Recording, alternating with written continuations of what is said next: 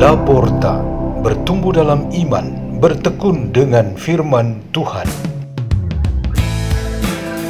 Radio Laporta, pintu terbuka bagimu untuk pertumbuhan pengetahuan dan kebijaksanaan tentang Allah.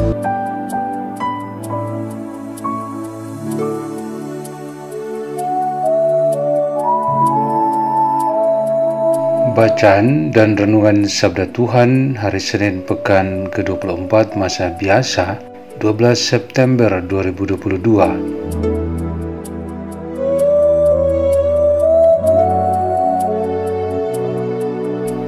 Dibawakan oleh Pastor Peter Tukan SDB dari Komunitas Salesian Don Bosco, Labuan Bajo, Keuskupan Ruteng, Indonesia.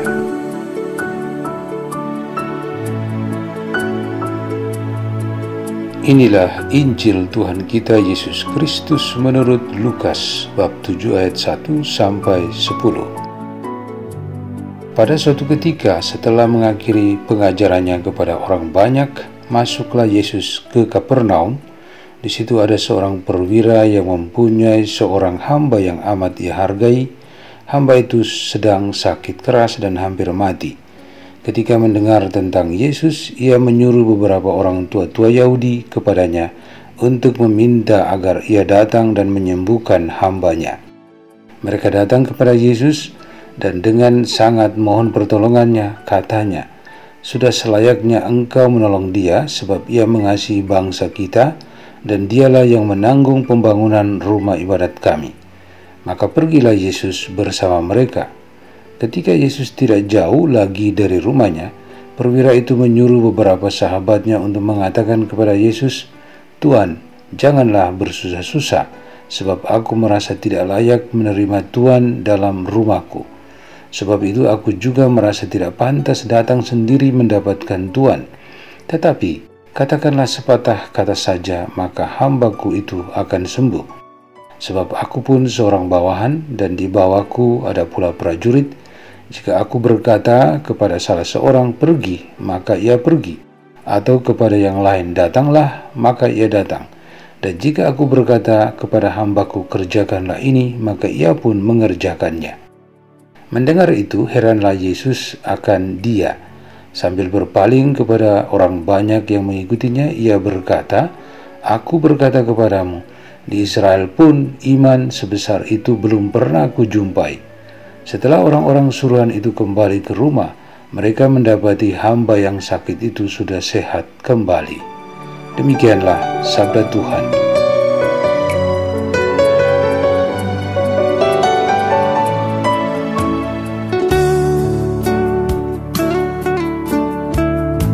Renungan kita pada hari ini bertema berdoa memakai iman.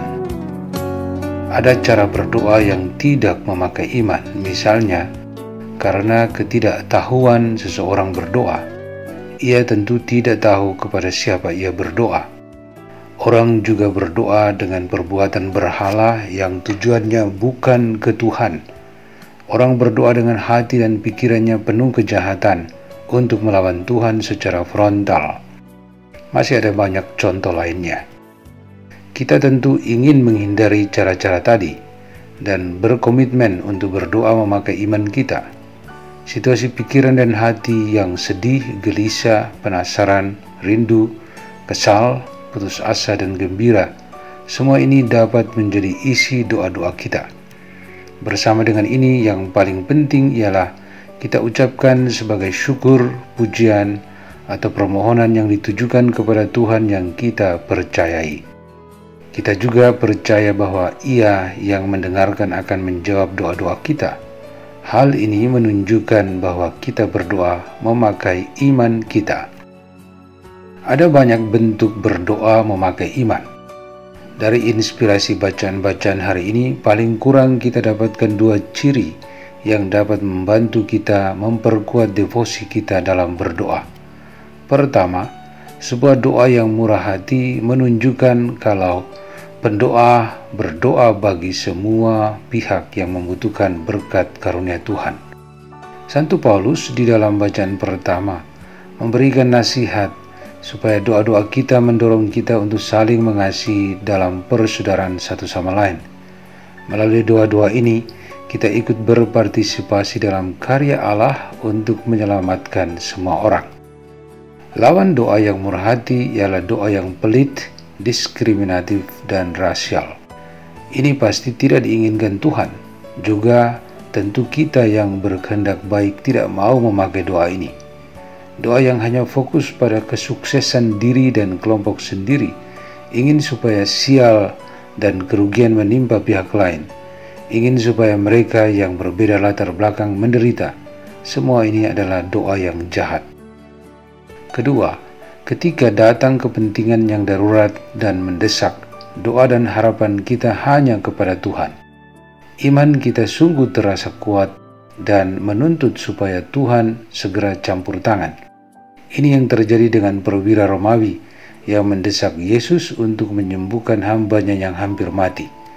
Dalam situasi dan posisi apa pun si pendoa, dengan imannya yang begitu tulus dan kuat, Tuhan berkenan datang menemui dia yang tidak pantas, lalu memberikan jawaban atas kesulitannya. Berdoa memakai iman adalah mutlak dalam setiap kegiatan doa kita. Kini keputusan ada pada kita masing-masing, mau melakukannya atau tidak. Marilah kita berdoa dalam nama Bapa dan Putra dan Roh Kudus. Amin. Ya Yesus Kristus, perkuatkanlah iman kami ketika kami berdoa kepada Bapa, seperti Engkau sendiri telah ajarkan kami. Semoga kami hidup untuk selalu melakukan kehendak-Mu dan bukan kehendak kami. Salam Maria, penuh rahmat, Tuhan sertamu. Terpujilah engkau di antara wanita dan terpujilah buah tubuhmu Yesus. Santa Maria Bunda Allah doakanlah kami yang berdosa ini, sekarang dan waktu kami mati. Amin. Dalam nama Bapa dan Putra dan Roh Kudus. Amin. Radio Laporta, pintu terbuka bagimu.